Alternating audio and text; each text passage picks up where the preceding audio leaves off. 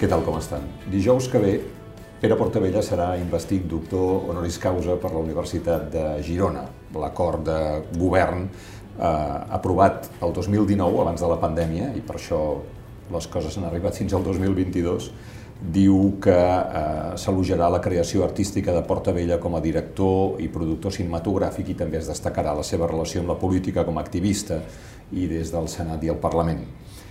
A més a més de tot això, resulta que l'endemà Pere Portavella farà 95 anys. A mi em fa l'efecte que un doctorat honoris causa i un aniversari tan rodó com aquest són motius mm, més que suficients per començar una conversa que els convidem a compartir i que hem vingut eh, a mantenir eh, al despatx de Pere Portavella a la Rambla Catalunya de Barcelona. Pere, què tal? Moltes felicitats. Gràcies. Gràcies. Què va primer, l'aniversari o el doctorat? Eh, que és Mira, l'aniversari no me'l puc treure de sobre, que els porto posats.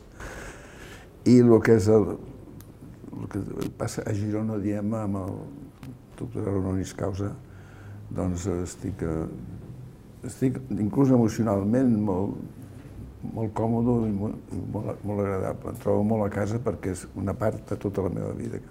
No? És Girona, però també és una exposició a Figueres, que és on vas néixer. Sí, sí, no, Figueres hi ha tot, una, tot un treball que m'ha preparat, que aprecio moltíssim, i que a més a mi en aquest sentit m'hi sento molt còmode, no? Oh. Ho han fet tot ells, s'ho han muntat bé, nosaltres, i, i eh, em sento molt còmode i, i molt bé. En què consisteix tenir-ne 95? Home, seria... En què consisteix? En què podrien ser 85, no? D'entrada, això. Jo els tinc assumits, però ara sense bromes, i em sento afortunadament en condicions de viure'ls, viure'ls, viure'ls amb un nivell, diguem d'estabilitat meva que funciona, i per tant, en aquest sentit, estic a, em sento obligat a complir amb mi, perquè contra més m'allargui millor, perquè m'ho mereixo. Per què dius que tu mereixes? Home, perquè haver arribat fins aquí no és cap broma, eh? No, dir, no? no, no. I en el sentit he tingut aquesta satisfacció de, de poder-me desenvolupar una, des de molt sovint ja amb, una, amb un activisme d'així, i jo ja ho coneixes tu, no? Sí. De fet, alguna vegada quan t'han preguntat, perquè clar, en Pere Portavella ha fet moltes coses, ha fet política, però ha fet cinema, eh, i ha estat molt a prop dels artistes plàstics i dels pintors. Eh, quan t'han preguntat eh, què has fet a la vida, has vingut a dir que tu has estat útil. Sí. El terme que utilitzo molt jo, no? és, i a més jo crec que és, la paraula útil, en aquest cas, té un pes, un pes en la funció que vol dir que tu, en aquest cas, has plantejat una manera d'actuar en tota la teva vida, tant en tot el, context, d'una forma que és inclusiva,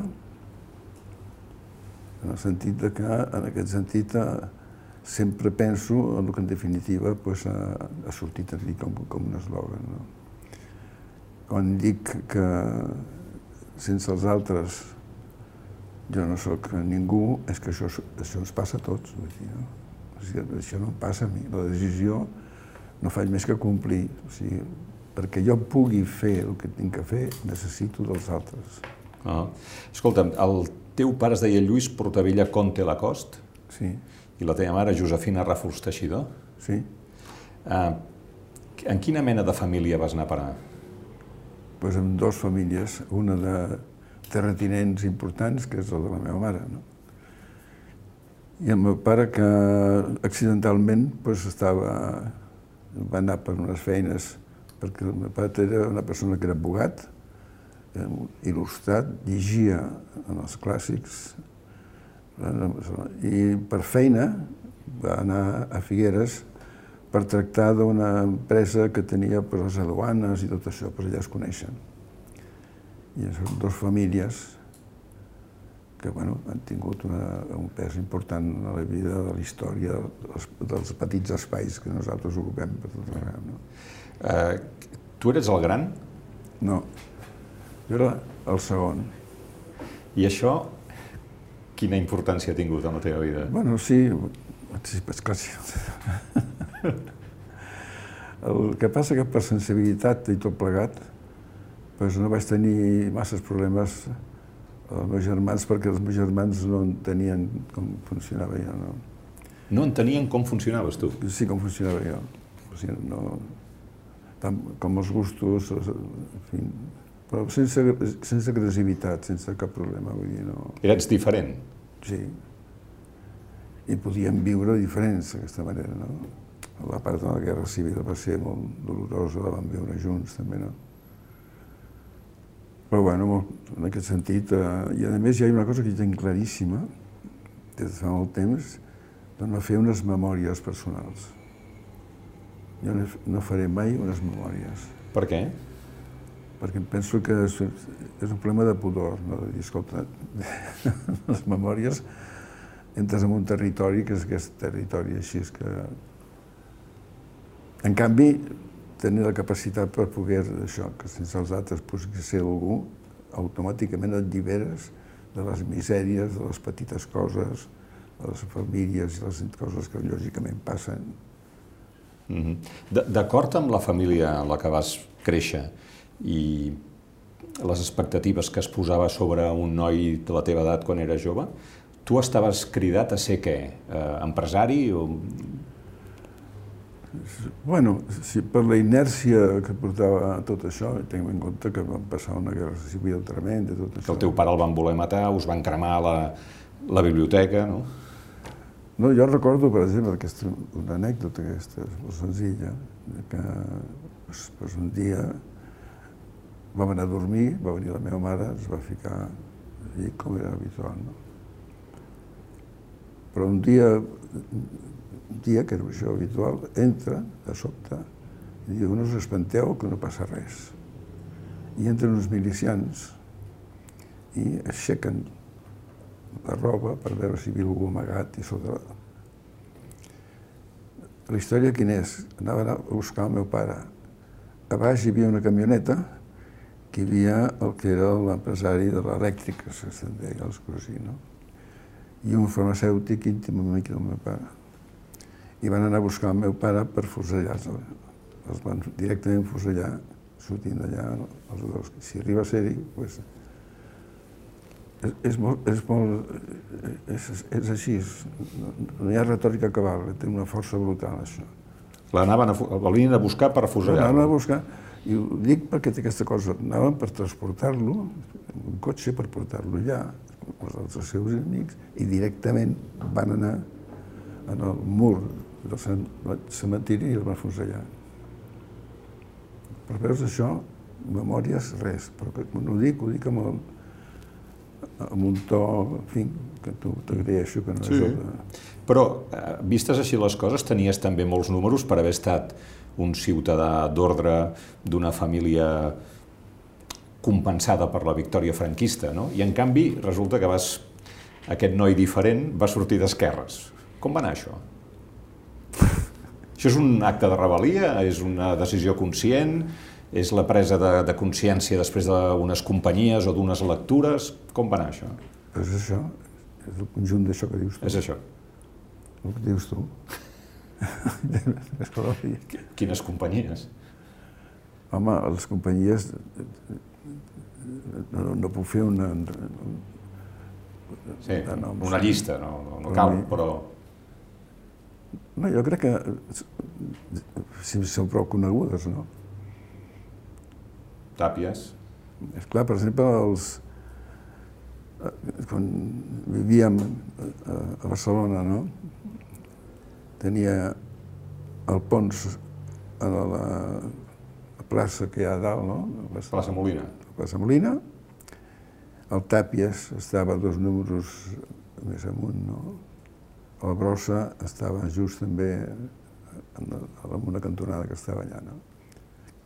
I dic això, llavors el, el meu germà gran anava amb ells perquè aquests també eren més grans que jo. Jo anava de més petit. I afortunadament vaig caure seduït per tot això. No? És així de senzill.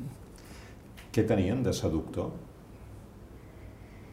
doncs que permetien estar en aquells moments tan d'usos i prets i tal. I quan dic estar vol dir que senzillament, sense donar explicacions, no saps per què dius és això. El tipus de conversa o d'interessos que tenien, diguéssim. No. Hi ha una paraula que és una, que s'usa poc, que és la seducció, per exemple. Seducció. No? Mm -hmm. Les empaties, també és una cosa que diuen així. I, una, I unes respostes contínues amb la mirada, amb els gestos més banals i així, trobes un clima en el que tu, com ens passa a tots, aspires de quina manera em puc anar sortint d'aquí, però no amb actitud defensiva, sinó al contrari. Amb ganes de fer coses. Jo el que vaig fer és el pas de més de quedar-me així, esperant a veure que vinguessin i a veure què passava amb la història de la meva família, i vaig ficar fins les orelles. Ser útil, ja des sí, de... Sí, i a partir d'allà doncs, estic aquí. És aquí on comences a entrar en contacte amb el cinema? Sí, jo des, el cinema el vaig començar a veure a casa del Tàpies amb, amb aquestes pel·lícules que de, de 8 mil·límetres eren així, no? I van veure algunes coses. Però jo tampoc, en aquest sentit, el veia de manera molt natural, igual que veia els, els quadres, les pintures i tal, perquè jo no, jo no he anat al cinema, jo no he fet mai com a senador, com a cineasta, no? sinó que jo sempre, sempre, sempre des del primer moment vaig donar compte de que no podia separar en absolut el cinema com uns elements que dins el magma, diguem-ne, de, del que en diem la cultura, jo crec així, ha de compartir tant amb la política, en aquest cas, com tots els estaments desarrollats culturals i que formin, en aquest cas, en aquest complex, la possibilitat de funcionar endavant. Jo tinc l'impressió que amb aquest grup duries descobrir un cert concepte d'ètica, d'estètica, no sé si fins i tot d'elegància personal vinculada a la utilitat, al fer coses, eh, en contraposició amb una dictadura. Una dictadura i una manera també, fora de la dictadura, que el teu entorn pot ser plàcidament. Una família activa, la meva una persona d'una gran responsabilitat que va assumir amb èxits i fantàstics. No? Però em va respectar sempre. I per mi el moment de... sempre em deia, al tanto, tu no saps tot el que són capaços aquesta gent. Quan em veia que jo movia, movia tant també ja políticament, li deien que... I si tu penses que segons que passis de la ratlla jo puc solucionar-ho tot, desgraciadament, no n'estigui segur. Però, però no em va dir mai això. No, no ho facis o... No, no. En el fons, pues, eh, jo crec que m'envejava. O sigui, t'advertia contra la possibilitat de ser detingut, torturat, eh, no, empresonat, o fins això. i tot llançat per una finestra. Però mai, mai, mai em va... Bueno, dels, dels germans era el que teníem més... Eh, relació més bona, diguem-ne els meus van anar per una altra banda. No?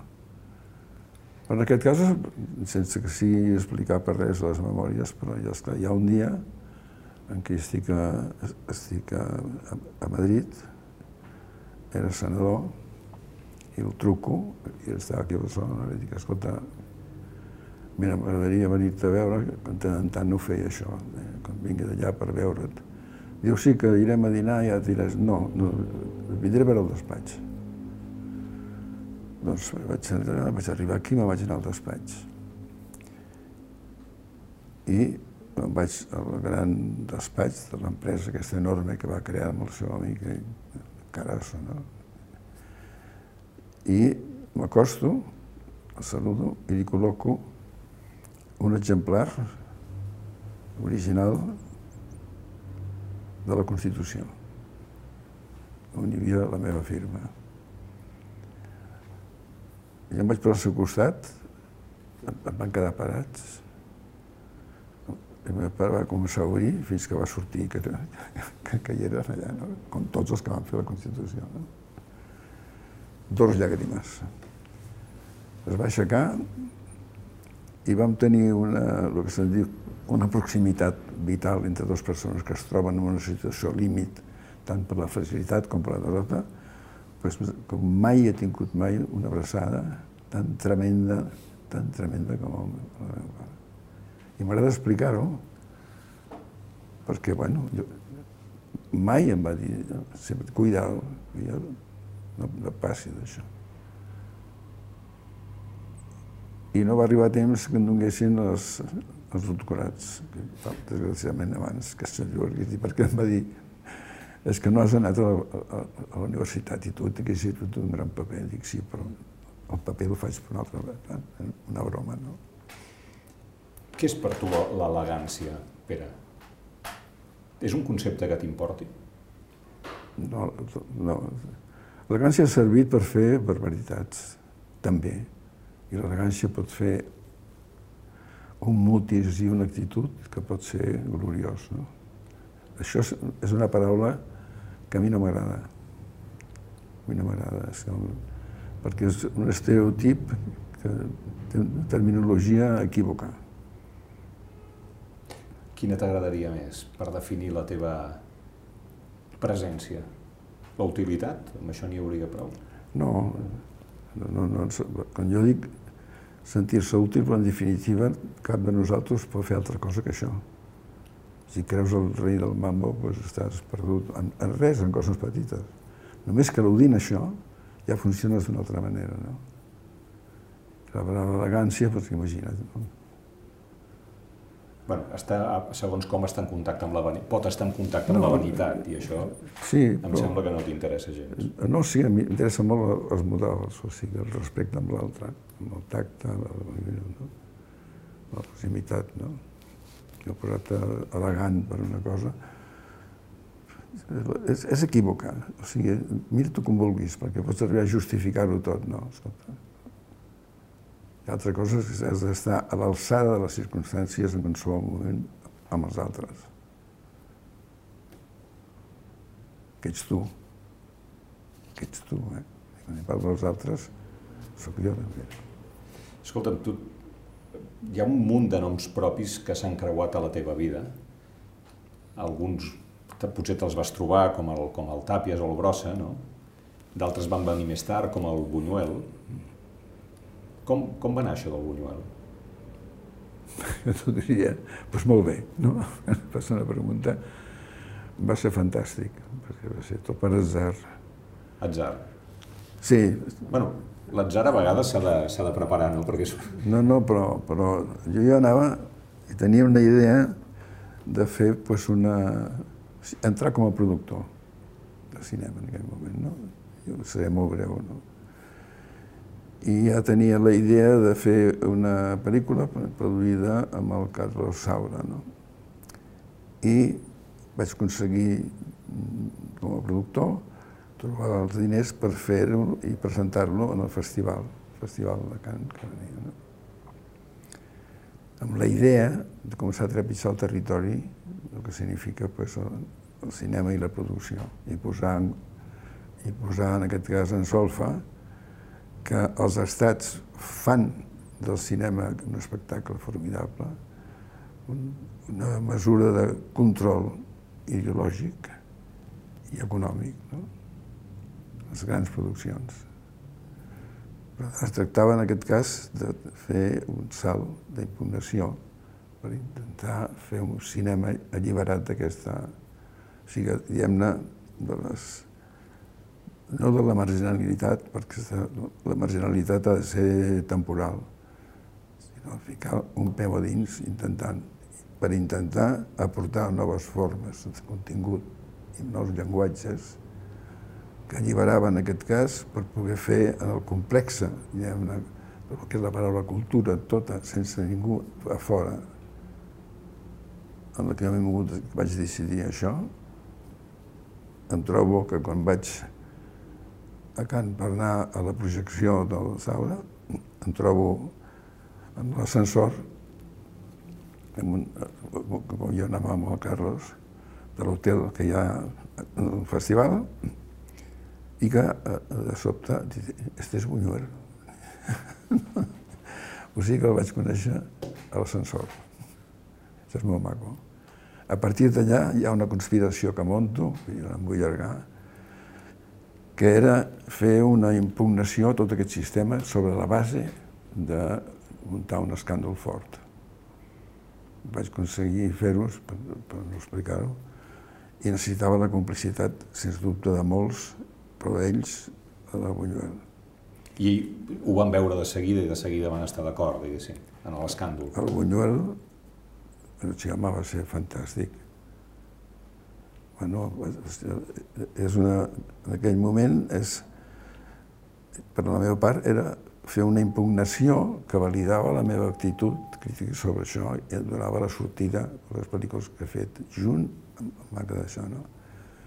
I en allà, en aquest sentit, doncs, fa Viridiana. Viridiana, que es va rodar tota, doncs, a, com és lògic, a Espanya. Ja saps que per fer una pel·lícula, en aquella, doncs, i ara també tens que demanar el cartó de rodatge, que passa en censura. I a partir d'aquí te'l tornen i tu tens que acceptar i llavors et donen el cartó de rodatge perquè puguis fer. I Viridiana va passar fent això, passant pel forno tot això després, però va anar legalment allà, no? I va ser un escàndol monumental, que que per mi va ser una satisfacció fantàstica, i per Buñuel. I va ser tan radical que el Vaticà, que es va queixar desesperat, i tenia raó el Vaticà, i li deia al ministre, en aquest cas de Cultura d'Espanya, com és possible que un país como España, con el cual tiene un concordato con el Vaticano, haya hecho esta película execrable i una llista per part del Vaticà d'insults contra l'altre d'allà. Però tenia raó el Vaticà. Jo m'he inventat de la vida. Jo el Puigneró deia, ha sido una bomba, eh, Pere, ha sido una bomba. Sí. Uh, va tenir la seva repercussió, van retirar el passaport, no sé bueno, si... tot això, sí. sí. Això, no, molts problemes, ja t'ho pots imaginar, ja no, però, però això... Se... però era la conseqüència d'un acte no, buscat. No, més, això ho has d'assumir, no, no, no fent això. Això és, jo, això és deliberat. això sempre que tu aconsegueixes llavors aquest tipus i sobre i endavant, t'ho passes bé, perquè la, Ara has de tenir al cap, concretament, la disponibilitat, i aquí l'ètica és fonamental. Tu parlaves, l'ètica té una, té una capacitat que si es desenvolupa de certa manera, té una estètica. O sigui, l'estètica famosa, si no parteix d'una ètica en aquest sentit, no, no pot arribar en aquest sentit, És aquesta estètica. estètica que és, i l'estètica en canvi s'ha utilitzada per les modes, per l'elegància, per no sé què, per Sí, l'últim extrem, el resultat de la teva ètica et portarà una estètica, aquesta estètica et portarà una determinada elegància de comportament, o digue-li com vulguis, però això és, és un resultat final i Però- a segons com va- col·lateral, no? Però a mi em va portar a fer cinema de pel·lícules pues, fetes pues, també en petit format i tal i qual, que encara avui els que m'aguanten és aquesta generació. I no ho dic com un mèrit personal, és perquè respon... Sí, soc, sí, sí. No, soc coherent amb tota aquesta història. Sí. Pel·lícules que d'entrada no entén ningú. Aquesta- M'agrada molt que diguis això. M'agrada molt que faci aquesta pregunta. Sí, perquè no és que no s'entenguin. És que s'exigeix el que és la, la fórmula de, del format, no? del consum de la cultura, de la producció, que ha de tenir la causa-efecte, que vol dir que s'entengui que si aquest senyor va aquí i se'n va al lavabo i es renta les mans, això pues, bé. Però després se m'ha de dormir, doncs vale. A la que es trenques d'aquí, baixa l'audiència, baixava amb això, no? Doncs a mi, muntat en tot el que he fet, no fa més que pujar. I aleshores jo no he fet mai cinema a part de tot l'altre. Sinó sempre amb el cap Hi ha un parell de pel·lícules que sí que són... Vaja, de fet són documentals, l'Informe General 1 i l'Informe General 2. no són documentals. no, és que no, no, no ho dic jo, eh? portaria uns paquets de crítica de gent vista de tot el món que tot menys documental. Si tu te'ls mires, tenen un, ha una, un ús, en aquest cas, del llenguatge, en els que circulen per altres... Eh... Però documenten una època, la de la transició i la del 15M i el 9N. Bueno, no, però per això t'ho replico una part de, que vam viure tu i jo, allà. Però la pel·lícula en si, en aquest cas, no hi ha causa-efecte. Sobte cau un piano en el, en el... Estan passant unes coses i cau un piano en el mar, no? I aquí no passa res. En canvi tu dius, i ara què fot aquest piano aquí, no? Aleshores, malament. Um, per cert, que en l'informe general 1 s'està rodant el Pardo, no? Amb? A El Pardo, el Palau del Pardo. Sí, vaig, i surt, vaig trepitjar... A les habitacions personals del Franco. On dormia el Franco. Això és, és una història fantàstica. Vaig aconseguir-ho a través de... I això seria molt llarg d'explicar. I, i, i, tot, on seia, tan fantàstic. El lavabo, tot. I va ser un èxit brutal.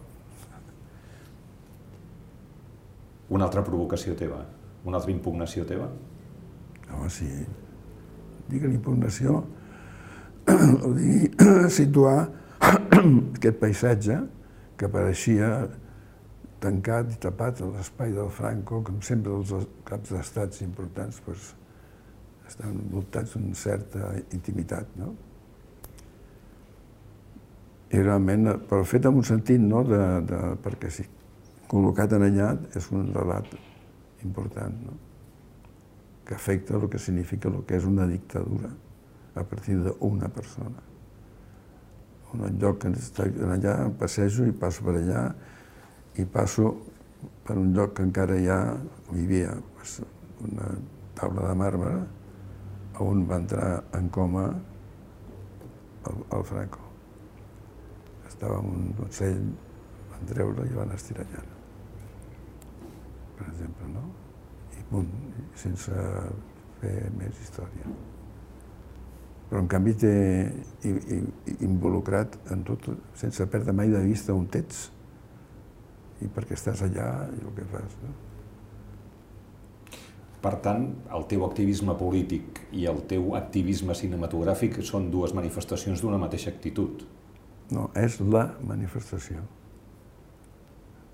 La política o sigui, la cultura sempre s'ha deixat a fora, perquè és l'art i tal i qual. Sí, política i cultura. La cultura, doncs, de Makovic, ja fa dos, dos segles que sempre va dir que nosaltres, en el moment en què naixem, incorporem, incorporem en la cultura, que és una cúpula en la que hi cap tot. I som tots en allà, no? I és a partir d'aquí d'aquesta cultura és iniciar tot un viatge. Això és dels segles d'això, no? Mm. I d'aquí l'Assemblea de Catalunya, o la tancada d'intel·lectuals a Montserrat, o la... el fet que et presentessis de senador, o la tornada de Tarradellas, vull dir, no? Tarradellas és un personatge simpàtic. Però... I deu entendre bé amb Tarradellas, no? Jo no vaig entendre bé perquè ell des de fora havia fet algun comentari sobre això de l'Assemblea de Catalunya, que tot això, no? I, i enviaven missatges sutils. Digueu-li aquest xicot que escolta que jo, l'espai d'aquí, del que és Catalunya el represento jo, punt. Això és fer el pallasso. No? Són aquests recadets que t'envien així, i jo, l'Assemblea de Catalunya cap amunt, i, i fent i el resultat va ser que va ser una, una història molt maca, va tenir estupenda. Us veu seduir mútuament, o tu a ell? Saps què passa? Que en, en aquestes situacions eh, ja no és problema de seducció, funcionen mecanismes... Eh, per exemple, ell ten, eh, primer, a mi em deleguen perquè el porti, perquè cap dels partits polítics podia decidir que ho fessin conjuntament i tenien cada un d'ells, dels partits polítics representats, diguem-ne, no, pues, tenen, eh, no es posaven d'acord, fins que em van dir que arribés una mica més tard a la reunió que tenien en aquest Parlament, la Gutiérrez Díaz va dir, vine més tard perquè hem de parlar d'una cosa. I parlar d'una cosa que van decidir unànimament que fos jo el que fes tota l'operació. Cosa que no, a molts se'ls va sentar com un tiro, esclar, perquè hi havia uns quants que no citaré que ja esperaven que farien allà. Bueno, i a partir d'aquí pues, està, i la, vaig decidir fer un viatge per conèixer-lo, per veure'l. I com vaig anar a l'hotel, que estava a l'hotel, diguem-ne, a París, no? molt ben col·locat allà a Tardelles, pues, el Crilló, em va fer explicar, va fer esperar una estona i l'arribava a venir directe i jo ja havia posat corbata que no posava mai. I em va dir, m'agrada molt aquesta corbata. Allà vaig entendre que funcionarien bé. Perquè va ser un avís dir en el fons, el que t'ha arribat de mi, això, oblida't, aquí tu i jo ens hem de, hem de col·locar això i tirar endavant en el fons agafant-te la corbata i dient m'agrada molt aquesta corbata, t'estava dient m'agrada molt l'actitud amb la que has vingut, ens entendrem. I per ell, ell tenia més garanties perquè també es lliberava de les pressions dels, dels partits, partits no? Sí. i tot això, no? I per això vam anar també, no? Mm.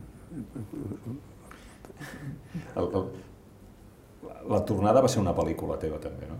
Sí, home, jo va ser com sempre he dit, jo tenia un actor jo tenia que fer un plató per un actor que jo li tenia pres la mida, i ja està. I està molt bé perquè hi ha gent que em va ajudar doncs, moltíssim, els, els professionals que il·luminava, per exemple, la Sant Jaume, la, la plaça Gran, es van posar a la meva disposició, els hi vaig demanar, aquí ha de ser un plató en què no hi hagi sombres per ningú. Té que tenir tot l'espai la mateixa il·luminació, menys el que és la, la sortida, la, o sigui, la sortida del balcó, mm -hmm. que té que tenir aquesta llum blanca que fem els cineastes, que el, els que estan allà no la veuran, però en canvi es veurà, perquè es vegi o sigui, el balcó, però no massa distingit això. Coses d'aquestes... Eh...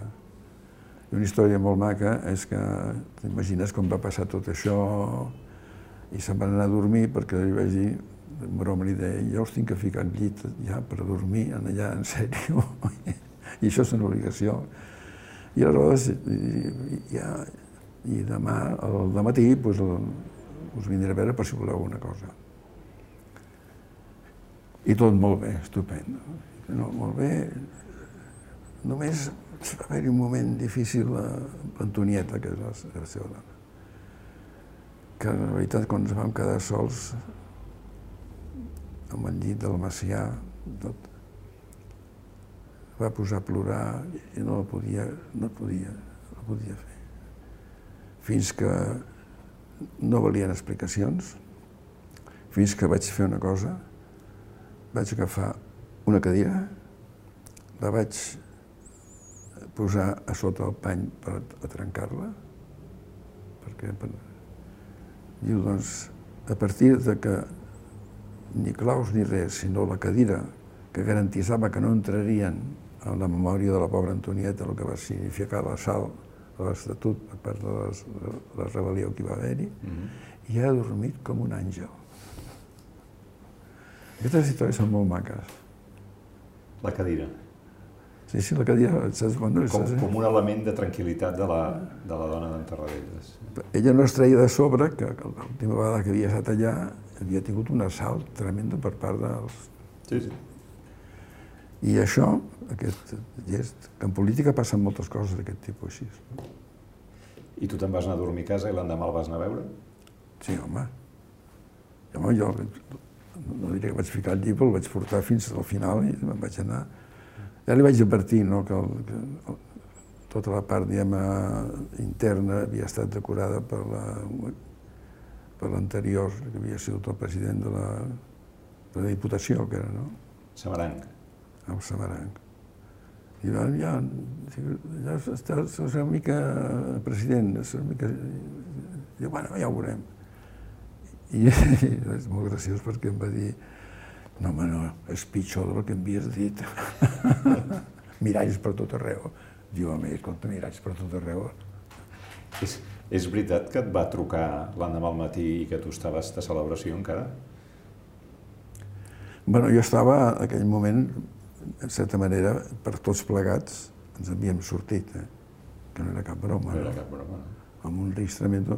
Pensa que com anàvem amb el cotxe descapotat que jo vaig imposar a fer des de l'arribada allà, pues, el, tot el recorregut fins a entrar en allà,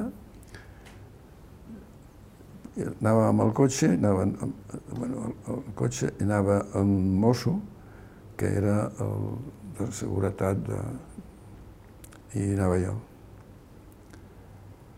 I un moment donat, quan baixàvem per la Via Laietana, tot així eh, que, que anàvem bastant bé. De sobte jo vaig exigir que la gent pogués accedir sense límits i realment la, gent tocava i tiraven uns, uns remets de flors a, a Montal, que el portava darrere, i el senyor Portavella, miri, nosaltres en aquest moment estem preparats per detectar, en aquest cas, que els, que un objecte que si des de baix pugui ser perillós des del punt de vista. Estem en aquesta fase. Jo compleixo amb el meu deure i vostè és el que té que decidir. I li vaig dir, vostè ha decidit bé i jo em responsabilitzo davant de vostè. Després ho comentàvem els dos, fins que no vam arribar a la plaça de Sant Jaume. Però això que sembla una broma, però és tremendo. Inclús ja tenia maquinat com, com es podia fer, però era molt difícil. Allà hi ha una bomba i no te'n dic res. Segur. Per això ara ho explico aquí perquè són coses que són... Buñuel, Brossa, Tàpies, Terradellas. En canvi, hi ha dos empordanesos com tu, molt cèlebres, amb els que pràcticament no, no, no surten mai a, la, a les teves memòries no escrites, que un és Pla i l'altre és Dalí. Sí. Bueno, perquè ells feien, feien una, una vida diferent. O sigui, saps que pues, bueno, era com una altra tribu. Anaven, anaven per un aire diferent. Jo anava amb, la, bueno, amb el que pensava de veritat. Que, i, no, I no vaig tenir mai cap relació accidental, un parell de vegades i així, no? però mai. Sempre va ser tot el personal, que va ser fantàstic, va ser una experiència del... Vosaltres, abans ho has dit, veu fer la Constitució. El que ha vingut després, què t'ha semblat? S'ha aprofitat la feina que veu fer o el consens al que veu arribar? Aquesta és una pregunta que no és una pregunta. O sigui, el problema és tan gros, avui, tan gros, que avui doncs, quan deixem de nostàlgies, deixem del passat, no remenem res que hagués pogut succeir. El més perillós que hi ha és que no hi ha en aquest moment una capacitat a nivell mundial, global, que permeti garantir que ens podem en sortir sencers.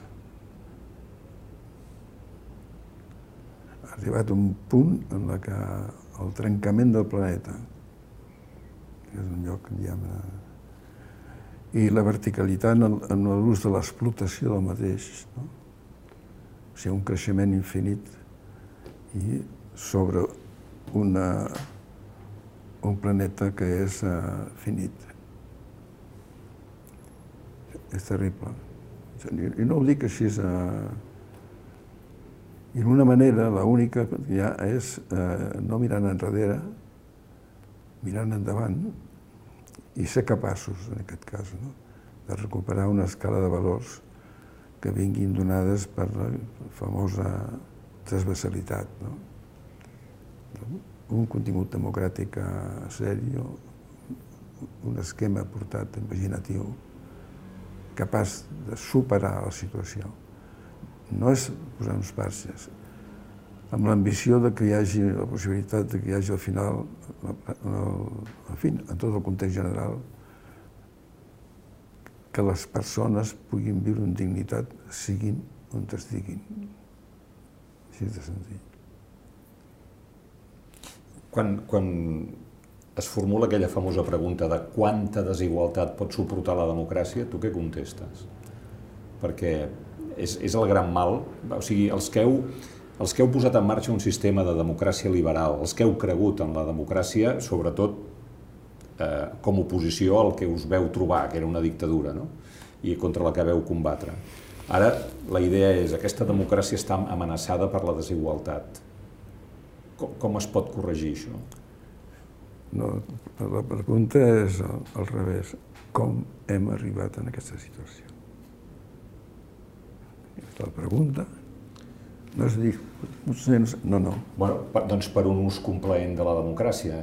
No, no, per, per, bueno, és que no cal, és que no vull entrar-hi perquè tan explícit, o sigui, el desastre en aquest moment és tan explícit que no, no permet dir, home, no sé què, tal i qual, no. és, és explícit, més tens com dit la... I que hi ha forma de sortir-se'n, esclar que sí. Ha les persones. Però s'ha de voler. Vull dir, sí, hi ha d'haver-hi un, un canvi seriós. I en la dicotomia Catalunya-Espanya, que és l'inici de la pregunta, vosaltres veu preparar un terreny de joc, una Constitució, un Estatut... Bueno, després ja saps com han anat les coses. Es pot fer alguna cosa? És que sí es pot fer. Sí. Què es podria fer? Pues una actitud. Començar per un mateix. Hi ha una, hi ha una frase important en un debat que es va fer ja fa molts anys, a l'època aquesta, no? en què hi havia el Santiago Carrillo, don José Prats, i era jo, i era dos o tres més, un comunista, etc estàvem debatent pues, una, una qüestió, el període era de fer la, la Constitució. I un moment donat, els que estaven parlant, parlant d'això, jo vaig intervenir oposant-me en el projecte que plantejàvem nosaltres. Aleshores, Santiago Carrillo, que m'hi apreciava molt, jo Hemos oído una, una, como siempre, una exposición magnífica por parte de, de Portabella, pero ha cometido un error gravísimo. Es que estamos hablando de una propuesta en que la objetividad es la fuerza de esta idea. I aleshores hi ha un silenci i don José Prat, ja sé, que era un exiliat que havia estat a Latinoamèrica, havia tornat. Dice, mire usted, señor Carrillo, el señor Portabella ha hecho una descripción, pero ha hecho algo mejor, porque ha aportado ser capaz de mantener en esta situación la subjetividad de cada uno de nosotros. Somos sujetos no alienados. Aquesta és la qüestió. O sigui, l'ús del poder és dir-te tu no facis res, tu no et preocupis, que jo me n'ocupo de tu. La subjectivitat és partir de que tu mateix t'incorpores en qualsevol activitat, amb un tipus de compromís, sempre amb els altres. Això va ser la via catalana, allà, quan vas donar les mans amb en Carles Santos entre... Te'n recordes? Sí, home. O va ser l'1 d'octubre, va ser la subjectivitat, no? El, el... Sí. Però el poder va ser més fort. Bueno, perquè un dels problemes és evitar que tu siguis subjectiu. Això per començar. Tu ets la feina. Ho explico d'una manera molt directa, sí, sí. però és així. I en la vida comú passa amb això, no? Bueno, tu la feina o tu, eh, dipositari de la sobirania nacional, però de la manera que jo dic. No? O sigui, teòricament manem nosaltres, el, el poble és sobirà, no? La sobirania nacional recau en el poble, però el poder et diu recau en el poble de la manera que jo diré que recaigui. No, no és això. És una qüestió de base. És molt més complicat, això. Entens el que vull dir? No és que jo els tingui, vull usurpar els teus, els teus espais, no. És qualitatiu, és un tom qualitatiu. I que serà l'única sortida en un futur. El respecte a l'altre, doncs. Sí, això que estem dient, no? Doncs no venen...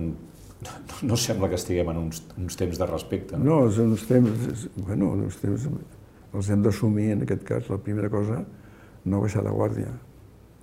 No em dir, escolta, ja saps què, ja veurem què passa, no. L'Assemblea de Catalunya va ser un clar exemple d'això que a mi em va tocar pues, moderar-la i presidir-la i tal i qual, no? però va ser un aixecament fantàstic. Bueno, era una manera de dir el dia que es mori Franco volem tenir coses a punt o tenim una proposta o volem que les coses siguin d'una determinada no, volíem, manera. No? Volíem una, un canvi radical cap a una democràcia oberta i amb llibertats tremendes per, per les dones, per exemple, o el que sigui, tantíssimes coses. No? Va ser fantàstica aquella experiència. Per tant, activisme i, i mirar de continuar sent útil. Sí, de ser útil, pensar, ser corresponsable de tu mateix, no, en aquest cas, i coherent. Però, aviam, aquí, això ara hem, hem arribat a un punt en aquest, en aquest sentit, eh, la pregunta que, que tu deia abans, la subjectivitat vol dir la lliberació dels nosaltres, dels nosaltres, per intentar assumir responsabilitats que siguin possibles per obtenir una capacitat on la, diguem, la democràcia, en aquest cas el desenvolupament, sigui una realitat possible. No? I això depèn de la capacitat subjectiva i avui no de militar en un partit, sinó que tu siguis, pots militar-hi, però primer sense perdre la subjectivitat. Yeah. Suposo que l'individu viu sota la necessitat de dur una vida molt funcional i molt poc personal, no? Vull dir, fer front a les seves obligacions eh, professionals, familiars, les més bàsiques. Bueno, però aquestes són bàsiques. El consum. Però, però això, bueno, no, però, bueno, però això són bàsiques però sembla que ho sigui tot, això, no? Sembla que es mengi tot l'espai disponible de l'activitat no, diària, no? Jo, jo sincerament, no, t'ho dic perquè som molt amics, no? Aquesta actitud és una actitud en què et situes acceptant implícitament que el que ja no hi ha res a fer i ens hem d'acoplar com sigui i que no em vinguin amb rotllos. El que tens que fer és una impugnació de com estàs i preservar la teva subjectivitat. I sé que tu, sense els altres, no ets ningú. Mira, i torno a agafar-lo al principi. Tornem al principi. Que segurament és una bona manera d'acabar, no? um, a què li dones més importància de tot el que has fet? En general? Sí, o en particular. Em val un moment, una època o, o una valoració, no sé. No, no. O sigui, hi ha una cosa que, que jo he salvat des del principi, que és la nostàlgia, o intentar enrere per trobar una espècie de gratificació de coses. Mai he tingut aquesta... però mai. Perquè això et manté quan dic que sigui útil, és una manera de dir, també al final, és útil perquè en aquests moments pot tenir un sentit que per nosaltres i tu podem trobar una situació conjunta per intentar avançar en una direcció i evitar d'entrar en qüestions així. Doncs, si m'ho poses així, t'hauré de preguntar quins plans tens. Per ara? Sí, pels, mm, tens, tens en mente algun projecte? Un projecte sí, en tinc diversos treballant en diverses direccions. Hi ha algun que es pugui explicar? No, perquè no s'entenen. Quan el faci, et trucaré i te'l passaré. Però estic tirant endavant. No em castiguis d'aquesta manera. No, no. Jo crec que, si que, si, que alguns, si els expliques, es podrà... s'entendrà, no? És, és una pel·lícula o és un, algun... és alguna instal·lació, és algun muntatge?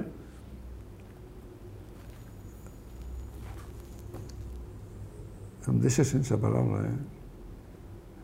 Perquè no, no, no, no sé com contestar-te, no? Perquè és que, és que amb tu dret, eh? Tens un braç, tens un peu, tens el cap, tens aquí. I tu què penses dels braços meus? Perquè van regir el cap al fora i aquí no hi ha.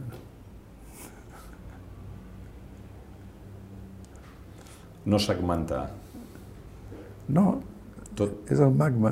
és tot va junt. De totes maneres, eh, estat, home, O sigui que el projecte és viure, com has sí. viscut sempre. Et sembla poc, no? No com sempre, no. He viscut, imagina't, he passat per... per tots, eh, tots hem passat. A, Sí.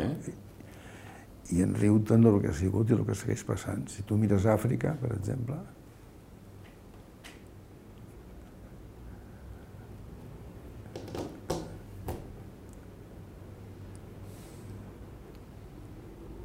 Ho deixem així? El projecte és viure? no, no deixem de viure com s'ha de viure, intentam entre tots plegats donar de nosaltres amb la nostra subjectivitat, tinguent una vegada més, sense els altres no ets ningú, que en canvi pot caber la possibilitat de recórrer un viatge i un camí que pot ser fonamental de viure com, com persones. No deixem de viure com s'ha de viure, de viure com persones. Pere Portavella, moltes gràcies per haver-nos obert les portes de, del teu despatx. Moltes felicitats pel teu aniversari i pel doctorat honoris causa. Doncs eh, gràcies a tu i a l'equip que ens ha suportat aquí amb molta cortesia, que és molt agraït també, no? Segur. I a vostès també, si ens volen fer arribar els seus comentaris, seran benvinguts. Fins a la pròxima.